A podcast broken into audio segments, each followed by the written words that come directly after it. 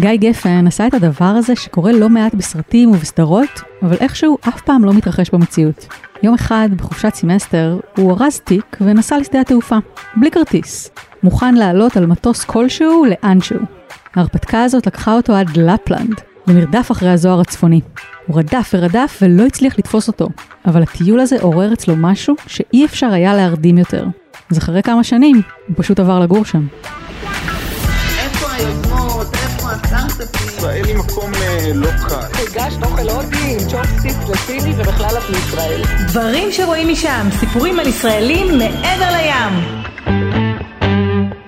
היי, hey, אני שלומית רביד ואתם מאזינים לדברים שרואים משם, סיפורים של ישראלים מעבר לים. בכל פרק נשוחח עם ישראלית או ישראלי שחיים איפשהו על הגלובוס, נחפור להם קצת בעבודה, במשפחה, במה שהוביל אותם לשם, ובעיקר ננסה ללמוד מהם משהו חדש על החיים שלנו כאן. היום אנחנו עם גיא גפן, שביום הראשון של 2018 עבר לגור בלפלנד, פינלנד, אחרי שנים של התאהבות עמוקה במרדף אחרי הזוהר הצפוני. בימים רגילים הוא מדריך קבוצות הרפתקניות במיוחד בטיולי מרדף כאלה, יוצא בלילות החורף עם ציוד מתקדם לצלם את פלא העולם, ומרגיש שהוא חי את החלום. אבל עכשיו הוא בעיקר מחכה שהקורונה תיגמר כבר והתיירים יחזרו. בואו נתקשר אליו. היי גיא, מה קורה? היי, בסדר, צהריים טובים. גיא נולד בחיפה וגדל ברמת השרון. הוא היה בצופים, הדריך טיולים, ידע שהוא אוהב טבע, אבל עוד לא בדיוק הבין באיזה אופן. חיפשתי את עצמי הרבה זמן, עם הרבה מוטיבציה למצוא עשייה משמעותית, והלכתי לכל מיני כיוונים, גם הייתי באוניברסיטה, בלימודי מדעים, ביופיזיקה, ואחר כך ניסיתי קצת יותר להתמקד עם אה, אקולוגיה ואבולוציה, והבנתי שהמקום שלי הוא בשטח ובטבע. ואז הגיעה חופשת סמסטר, שבסופה הוא היה אמור גם להתחיל עבודה חדשה. זה היה סוף דצמבר, והוא הרגיש שזה זמן טוב להרפתקה. בגלל שזה היה באמת ספונטני, אז אמרתי, יאללה, אני ארוז איזשהו תיק, אני אסע לשדה תעופה, ואני אעשה איזה סוף שבוע איפשהו, או שבוע, או משהו כזה. עמדתי להתחיל איזשהו סמסטר חדש, ועבודה חדשה, והיה נראה לי כמו תזמון טוב. עשית את הדבר הזה שאנשים אומרים, שניסע לשדה תעופה ואז נראה לאן יש כרטיס, כזה? ממש ממש ככה, כן. זו הייתה חוויה מלהיבה מהרגע הראשון. כבר בדרך הוא התחיל להתקשר לכל מיני חברות תעופה ולאתרים כמו הדקה ה-90, אבל בסוף בסוף הוא הגיע, ממש כמו בסרטים, לדלפק בשדה. הציעו לי כל מיני בירות אירופאיות מוכרות, אם זה אמסטרדם, ברלין, אה, לונדון. היה נשמע לי קצת בנאלי ולא מה שחיפשתי, ואז אמרו לי הלסינקי. אז אמרתי, וואלה, פינלנד, מגניב, ואמרתי שאני הולך על זה. ואז פתאום הוא קולט שהוא נוסע לפינלנד, בדצמבר. בני דודים שלי גרים סמוך לשדה תעופה, ובן דוד שלי השאיל לי חרמונית וכובע צמר, כאילו הייתי מוכן עד כדי כך. וזהו, ובעצם טסתי עם uh, כזה כל הציוד על הגב, אפילו אוהל לקחתי איתי. רק כשהוא עלה למטוס והתיישב, ההבנה שהוא נוסע לפינלנד התחילה לשקוע. ואז גם לפלנד עלתה במחשבות. הייתה לי איזושהי אה, זיקה או משיכה לנושא של הזוהר הצפוני בעקבות תוכנית טלוויזיה מאוד מוכרת, או לפחות אה, אז היא הייתה חשיפה לצפון. תוכנית על הרופא היהודי שמגיע לאלסקה, ככה מניו יורק, ששותלים אותו באלסקה. אבל כשהוא נחת בהלסינקי, שהייתה באותו יום גשומה, אפורה ולא מושלגת בכלל, גיא הבין שזה לא בדיוק זה. אז עוד באותו לילה, הוא עלה על רכבת ללפלנד. הרכבת עצמה קוראים לה Santa Claus Express, רכבת הייתה די ריקה, בחוץ חושך מוחלט, אם אתה מנסה להסתכל החוצה, אז אתה רואה רק עצים ועצים ועצים, ולאט לאט גם שלג. הרכבת עצמה היא עם אור בפנים, כדי שאנשים לא ירדמו, וכל הצירה הם עושים רעש, כדי שמי שבאמת צריך לרדת יתעורר ולא ימצא את עצמו בלפלנד. זו הייתה נסיעה מאוד מאוד מרגשת, אל תוך הלא נודע, ואחרי 12 שעות נסיעה, ב-6 בבוקר, הוא הגיע לבירה רובניימי. ראיתי כל האופניים ליד התחנת רכבת מכוסות בשלג, וירדתי ככה עם התיק, וטמפרטורה, אני חושב הייתה משהו כמו אה, מינוס קצת, היו עננים אז יחסית היה יותר חם. שש בבוקר והתחלתי להסתובב עם התיק על הגב, לחפש אה, מקום ללילה, אמרתי לילה ראשון, שלג וזה, אני אמצא איזה מקום, אני אניח את התיק ואני אצא אולי לראות, אה, לנסות לצלם את הזוהר הצפוני. רגע, וזה חושך, נכון? כי זה בעצם דצמבר. אז גם בבוקר חושך. זה לא שזה רק לילה, זה מגיע למצב שהשמש כמעט זורחת, ואז היא בעצם שוקעת בחזרה. אז זה נראה כמו לפנות בוקר, בוקר מוקדם, תלוי אם יש או אין עננים. ואז הוא מתחיל לעבור, בשלג אני מזכירה, בין המלונות והאכסניות בעיר. והכל מלא. בכל זאת, Christmas וזה.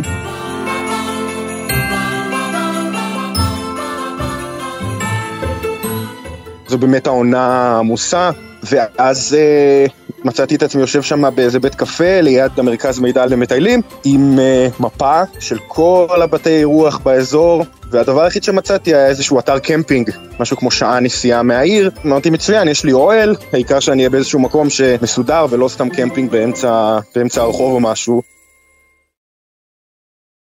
וכשהוא הגיע לשם, בסביבות הצהריים, כבר שוב היה חושך מוחלט בחוץ. הגעתי לשם, היא שואלת אותי איפה הקרוון שלך, אז אמרתי לא, באתי לעשות קמפינג. זאת אומרת, הקמפינג בדרך כלל זה בקיץ, חשבתי שאתה בא עם קרוון. אז uh, העברתי שם לילה בשלג, לא ראיתי את הזוהר, רק עננים היה, אבל מאוד התרגשתי. אגב, למקרה שדאגתם, את רוב השעות שחלפו עד שהוא הלך לישון, גיא בילה בסאונה.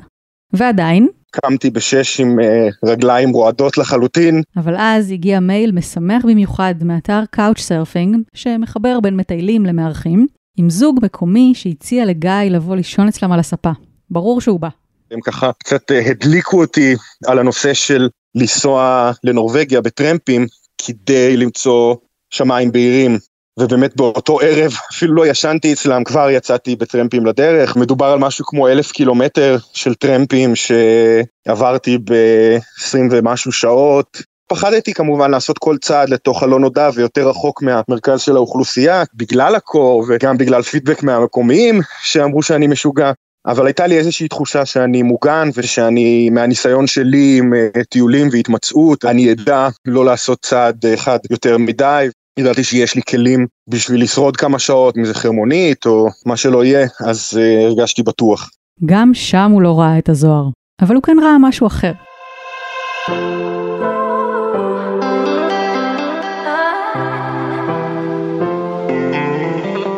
ראיתי קצת כוכבים, ראיתי את השמש בצהריים על האופק עולה ויורדת, זו הפעם ראשונה שראיתי את השמש אחרי שבוע, וזה אחד הדברים הכי יפים שראיתי מעולם, כל השמיים כתומים, סגולים, כחולים, וזה ככה שלוש, ארבע שעות שממש רואים את השמש כזה עולה ויורדת חזרה, זה היה מטריף. בסופו של דבר צחקתי על זה שלא ראיתי את הזוהר, כי היה לי ברור שזה אומר שאני uh, צריך לחזור.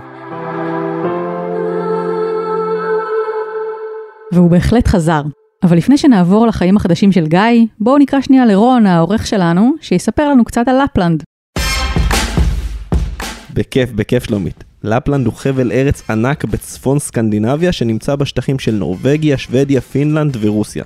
אבל לרוב כשאומרים לפלנד, מתכוונים לחלק הפיני. האזור כולו מתפרס על פני 400 אלף קילומטר רבוע, זה פי 18 ממדינת ישראל, אבל חיים שם משהו כמו 2 מיליון איש בלבד. החוג הארקטי, סוג של מעגל דמיוני שמקיף את הקוטב הצפוני, חותך את לפלנד. הוא מסמן את האזור שבו השמש לא ממש שוקעת בקיץ ולא ממש זורחת בחורף. בנקודה הצפונית ביותר, השמש בעצם זורחת פעם בשנה, ב-21 במרץ, ושוקעת פעם בשנה, ב-21 בספטמבר, וזהו. בלפלנד הפינית חיים פחות מ-200 אלף איש מכמה קבוצות אתניות, בעיקר סאמים שהם התושבים המקוריים של האזור, וגם פינים נורדים. פעם היה נהוג לקרוא לתושבים המקוריים לאפים, אבל אחרי שנים של ניסיונות לצמצם את התרבות המסורתית שלהם ולגרום להם להיטמע בעם הפיני, הם מוצאים את הכינוי הזה פוגעני. אז אל תקראו להם ככה. אני לא אקרא להם ככה, אבל אם שואלים את הפינים, ובטח עוד כמה עמים בעולם, לפלנד היא קודם כל הבית של סנטה קלאוס. לא סתם קוראים ככה לרכבת לשם, וכמו שאפשר לצפות ממקום כזה, אילי צפון הם חלק מאוד חשוב ממנו. עד כדי כך שאומרים שהרחובות של עיר הבירה רובניימי נבנו בצורת קרניים של אייל. אני מודה שלי היה קצת קשה לזהות את זה במפות, אבל נגיד. אגב, האיילים שם מסתובבים חופשי, אבל כולם שייכים למישהו. הסאמים רואים אותם, מגדלים אותם, נעזרים בהם לסחיבת מזחלות, וגם אוכלים אותם ומשתמשים באור שלהם. אוי. אבל עם כל הכבוד לאיילים, לפלנד בשבילי זה קודם כל נילס הולגרסון ואלה קארי. אבל אני חייבת להודות שבעקבות התחקיר שעשיתי לפרק הזה, גיליתי לראשונה ששניהם בכלל היו שוודים. כמו שאמרנו, גיא חזר ללפלנד ועוד איך. בשנים שאחרי הטיול הראשון הוא המשיך לנסוע הלוך וחזור לסקנדינביה, לנורבגיה, לאיסלנד, שוב ללפלנד. הוא כבר ראה את הזוהר הצפוני יותר מפעם, ורק הלך והתאהב יותר ויותר. וכשהוא חזר מהטיול של מרץ 2017, פתאום נפל לו איזה אסימון. חזרתי לארץ עם תחושה ממש שזה לא המקום בשבילי כרגע ואני השארתי משהו מאחורה. וזה לא רק העניין של לנסוע לטייל פעם בשנה זה גם uh, הנושא של לקחת אנשים ולהראות להם את החוויה הזו ולהראות להם שהמרדף הזה אחרי הזוהר שהוא כזה חלום זה משהו שהוא אפשרי ושאפשר לעשות בשבילו דברים שלא חשבנו שאפשר. כלומר לנסוע עוד קצת ולתכנן ולדעת לאן ומתי. ובאמת להראות לאנשים את הפלא עולם הזה ובאמת להתמקצע עם הצילום ולספר את הסיפור הזה של הטיולים שלי ושל המסעות האלו ושל השראה שאני מקבל מהם. הדבר הראשון שהוא עשה היה לעבור לעבוד מהבית. הוא עבד אז כיועץ לימודים אונליין וזו לא הייתה בעיה. ואז אחרי כמה חודשים כאלה, הוא הודיע למנהלים שלו שהבית עובר ללפלנד, ונסע. זה היה ב-1 בינואר 2018.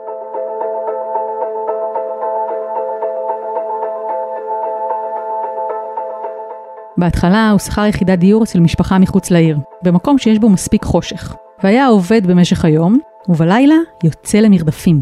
וכל ערב הייתי לוקח את הציוד, נעלי שלג ואת כל הציוד צילום, ויוצא לצלם, וכל פעם שיש איזושהי סערה, הייתי נוסע לכל מיני מקומות מיוחדים לצלם אותה, ולפעמים הייתי נוסע בטרמפים לנורבגיה, כי בפינלנד היה מעונן. בשלב הזה הוא החליט שייתן לעצמו שנתיים. להתמחות, להתמקצע, לאסוף ציוד, לבנות קהל עוקבים שמתעניין בצילומים ובסיפורים שלו. ובאמת, קצת לפני הדדליין, קרה משהו. איזשהו פוסט בפייסבוק, פרסמו bucket list של בחור אה, שהיה אז חולה סרטן, סופני, ואחד החלומות שלו שם היה לראות את הזוהר הצפוני בלפלנד. נתקלתי בפוסט הזה, והיה לי ברור שאני הולך לנסות לעזור עם זה, כי כל המהות שלי פה הייתה של הגשמת חלום. חודש אחר כך, הבחור הגיע אליו.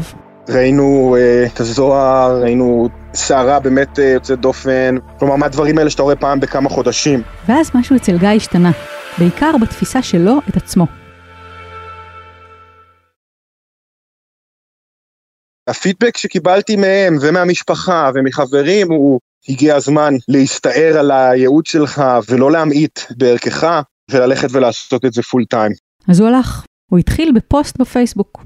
אני כאן, אני זמין, בואו לטייל איתי בלפלנד.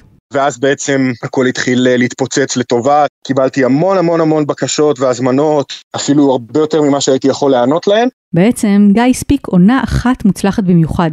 ואז הגיעה הקורונה, וכמובן סגרה הכל עד להודעה חדשה. אבל על זה באמת שדיברנו מספיק. אם לא הייתה מגפה, בשלב זה של השנה הוא כבר היה עמוק בעבודה עם קבוצות חדשות. זה טיול אה, שהשקתי, טיול שהוא ייחודי, הוא מבוסס על החוויות שלי ועל הדרך שבה אני מטייל פה, שבעצם במקום לבנות את כל הטיול מראש ולהזמין מקומות ולו"ז אה, מדוקדק, הכל ספונטני, בעקבות התחזיות אחרי הזוהר, יכול להיות שמתחילים את הטיול בפינלנד ונוסעים לנורבגיה, יכול להיות שאני אוסף את כולם מהשדה תעופה ואומר להם נוסעים לנורבגיה ישר, כי היום בלילה יש זוהר ופה מעונן, ובעצם הכל מתבצע על הדרך, אם זה הזמנת מקומות, אה, לינה ואטרקציות, הכל עושים על הדרך ולפי מה שיש, וזה טיול שרק אני יכול להציע אותו, כי הוא באמת מאוד גמיש ומבוסס על הידע וההיכרות שלי עם המקום. לפעמים הוא היה לוקח גם מטיילים עצמאיים, או כאלה שמגיעים עם קבוצה מאורגנת ללפלנד, אבל רוצים להגדיל את הסיכויים שלהם לראות את הזוהר. ואז הייתי נוסע כל ערב, ממלא את הרכב. על כל קבוצה שהייתי לוקח היו שתי קבוצות שנאלצתי להגיד להם, תשמעו, אין לי מקום, ונוסע איתם ומטייל איתם בלפלנד, שעתיים, שלוש, ארבע שעות לכל כיוון לפעמים,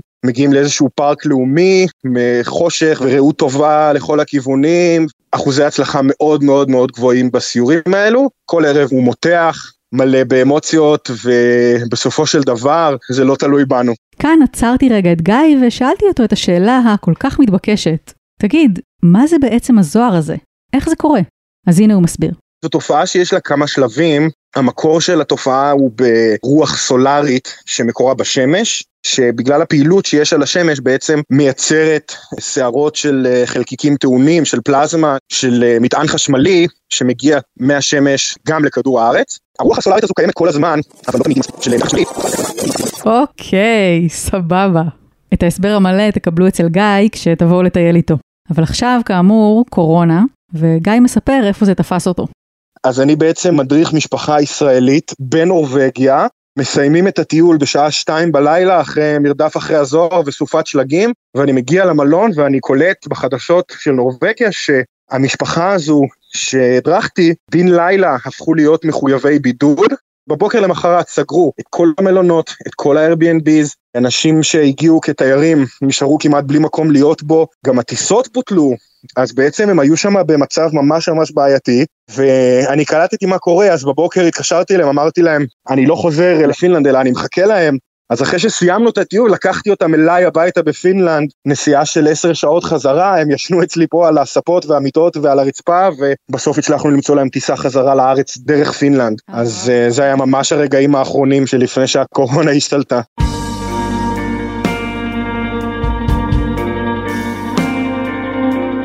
חצי שנה חלפה מאז, ושום דבר לא ממש השתנה. החיים האלה שגיא בחר לעצמו, גם בימים רגילים, הם אינטנסיביים מאוד ולא קלים. ובמקום כמו לפלנד, יכולים גם להיות קצת בודדים. זה מאוד קשה, העבודה והקור והשעות והאמוציות שכרוכות בלחפש את הזוהר, אבל הרגשתי שהחיים אה, מלאים ושהצלחתי באמת ליצור לעצמי את המציאות שרציתי. כשהייתי בארץ, חיים שלפני כן, עם הרבה, כן עם חברים וכן עם אה, הכל קרוב ונגיש, הייתי פחות מבסוט, כי הרגשתי שאני מתחמק מאיזשהו אה, ייעוד או, או ממה שאני באמת רוצה לעשות.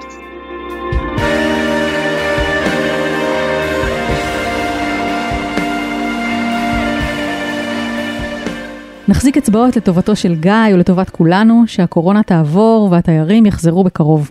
ועד אז, בואו נעבור לפינה ששמה דברים בפרופורציות. הדשא של השכן, מה להם יש שלנו אין? כמה עולה פחית קולה? בסביבות היורו וחצי עד שניים וחצי, לפעמים שלוש, כלומר בסביבות השמונה עד עשר, שתים עשרה שקל. אני מתכוונת לשאול כמה עולה כרטיס לסרט, אבל יש בכלל איפה לראות סרט? יש עיר לא רחוק מאיפה שאני גר, יש שם קולנוע, כרטיס עולה בין 12 ל-15 יורו. אוקיי, 50-60 שקל.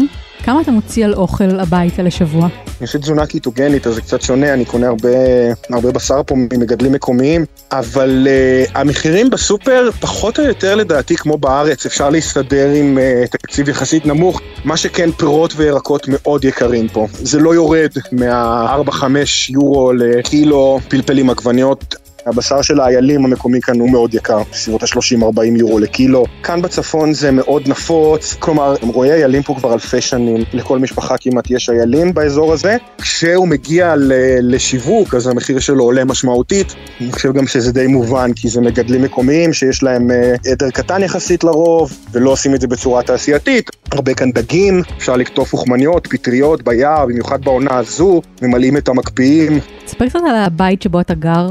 אני מצאתי בית ממש מקסים, זו בקתה שיש בה בעצם אה, שתי קומות, וסך הכל זה 120 מטר עם עוד uh, מחסן כזה שהוא גם חנייה.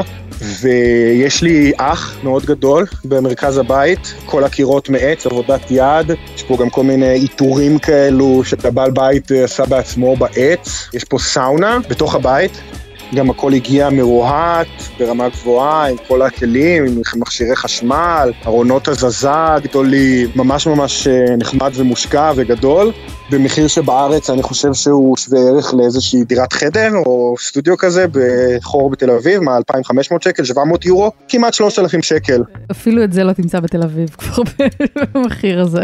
מה אתה הכי אוהב בלפלנד? הרגע מבחינתי האולטימטיבי זה כשאני מגיע לשטח ואני רואה את השמיים המלאי כוכבים ואת השקט, את האוויר הנקי, את ההרגשה הזו של להיות uh, סמוך ולהיות uh, כל כך קרוב לטבע. מה אתה הכי לא אוהב בלפלנד? יש הרבה אנשים שהם לא כל כך נגישים פה, בין אם זה בגלל השפה, בין אם זה בגלל התרבות. גם uh, יש משהו שאני לא אוהב, באמת, זה יתושים. חודש, חודש וחצי של uh, בסביבות uh, יולי, שיש פה כמויות של יתושים שאי אפשר לתאר בכלל. למה אתה הכי מתגעגע בארץ? חוץ ממשפחה וחברים. מתגעגע לים עם מלח וחול. למה אתה הכי לא מתגעגע בארץ? קודם כל זה החוסר הזה בשקט, הצפיפות מאוד מאוד גדולה, ואני חושב שבעיקר זה האנרגיות המאוד אה, דחוסות ולחוצות בארץ. סך הכל מהחברה אתה לא באמת יכול לברוח, אני עדיין, אה, עדיין חלק מזה באיזשהו מקום, ואני חושב שפשוט העומס והלחץ. אם היה אפשר לייבא מוצר או רעיון מלפלנד וליישם אותו בארץ, מה זה היה צריך להיות? אני לא- יודע איך אנשים היו מגיבים לעניין של אה, סאונה. יש סאונות בארץ, אבל אה, חלק ניכר מהשנה אנשים לא היו רוצים להתקרב אליה בכלל, שיש להם כזו בחוץ. אבל אה, אני חושב שזו תרבות שהיא ממש, אה, יש בה משהו מאוד מיוחד, יש בזה איזשהו טקס כזה של, אה, זה מאוד מרגיע, מאוד מטהר, והוא ממש בריא גם, אז אני חושב שזה זה משהו שכל העולם אה, רצוי שילמד. מה ההמלצה הסודית הכי טובה שלך על לפלנד? אני באופן כללי חושב שכל מי שמגיע ומתמקד רק במרכז, אה, בעיר שנקראת רובניימי, ויוצא משם לאיזה כמה פעילויות, אני חושב שהוא מפספס הרבה, כי החוויה האמיתית נמצאת מסביב, בשמורות טבע, לא בעיר. גיא גפן בלפלנד, תודה רבה רבה על השיחה הזאת. כן, בשמחה, היה לי, היה לי מאוד נחמד, אני מקווה באמת שדברים יחזרו אה, לשגרה בקרוב, אני לא בטוח שזה יקרה כבר בעונה הזו לצערי, אבל גם אם כן, אני אהיה מאוד אה, ספונטני ואוכל לחזור להדרכה באופן מיידי, וגם אם לא, אז נקווה שספטמבר אה, 21 כבר יהיה סיפור אחר. אה, לגמרי, אני מקווה שגם אני אגיע לראות אצלך את הזוהר הצפוני באיזשהו שלב. זאת אומרת, אני אגיע בטוח, נראה אם עוד תהיה שם. טוב, יאללה, אז אה, שיהיה בהצלחה שם, ואני מקווה שהכל יתאושש בקרוב. תודה רבה, ביי ביי. עד כאן עוד פרק של דברים שרואים משם. אתן מוזמנות לעקוב אחרינו באתר גלובס, בספוטיפיי או בכל אפליקציית פודקאסטים שאתן אוהבות. אם יש לכם חברות וחברים שעוד לא מכירים אותנו, אל תהססו לשלוח להם לינק בוואטסאפ או לדרג אותנו גבוה באפל פודקאסט. ואם אתם גרים בחו"ל ויש לכם סיפורים מעניינים, המייל שלנו הוא דברים at גלובס co.il. שוב תודה לגיא גפן על השיחה, ואם אתם מתכננים לרדוף אחרי הזוהר, סיכוי טוב שהוא יכול לעזור. תודה לעורך הפודקאסטים רון טוביה ולניב בן אלי על הסאונד. אני שלומית רביד. ביי.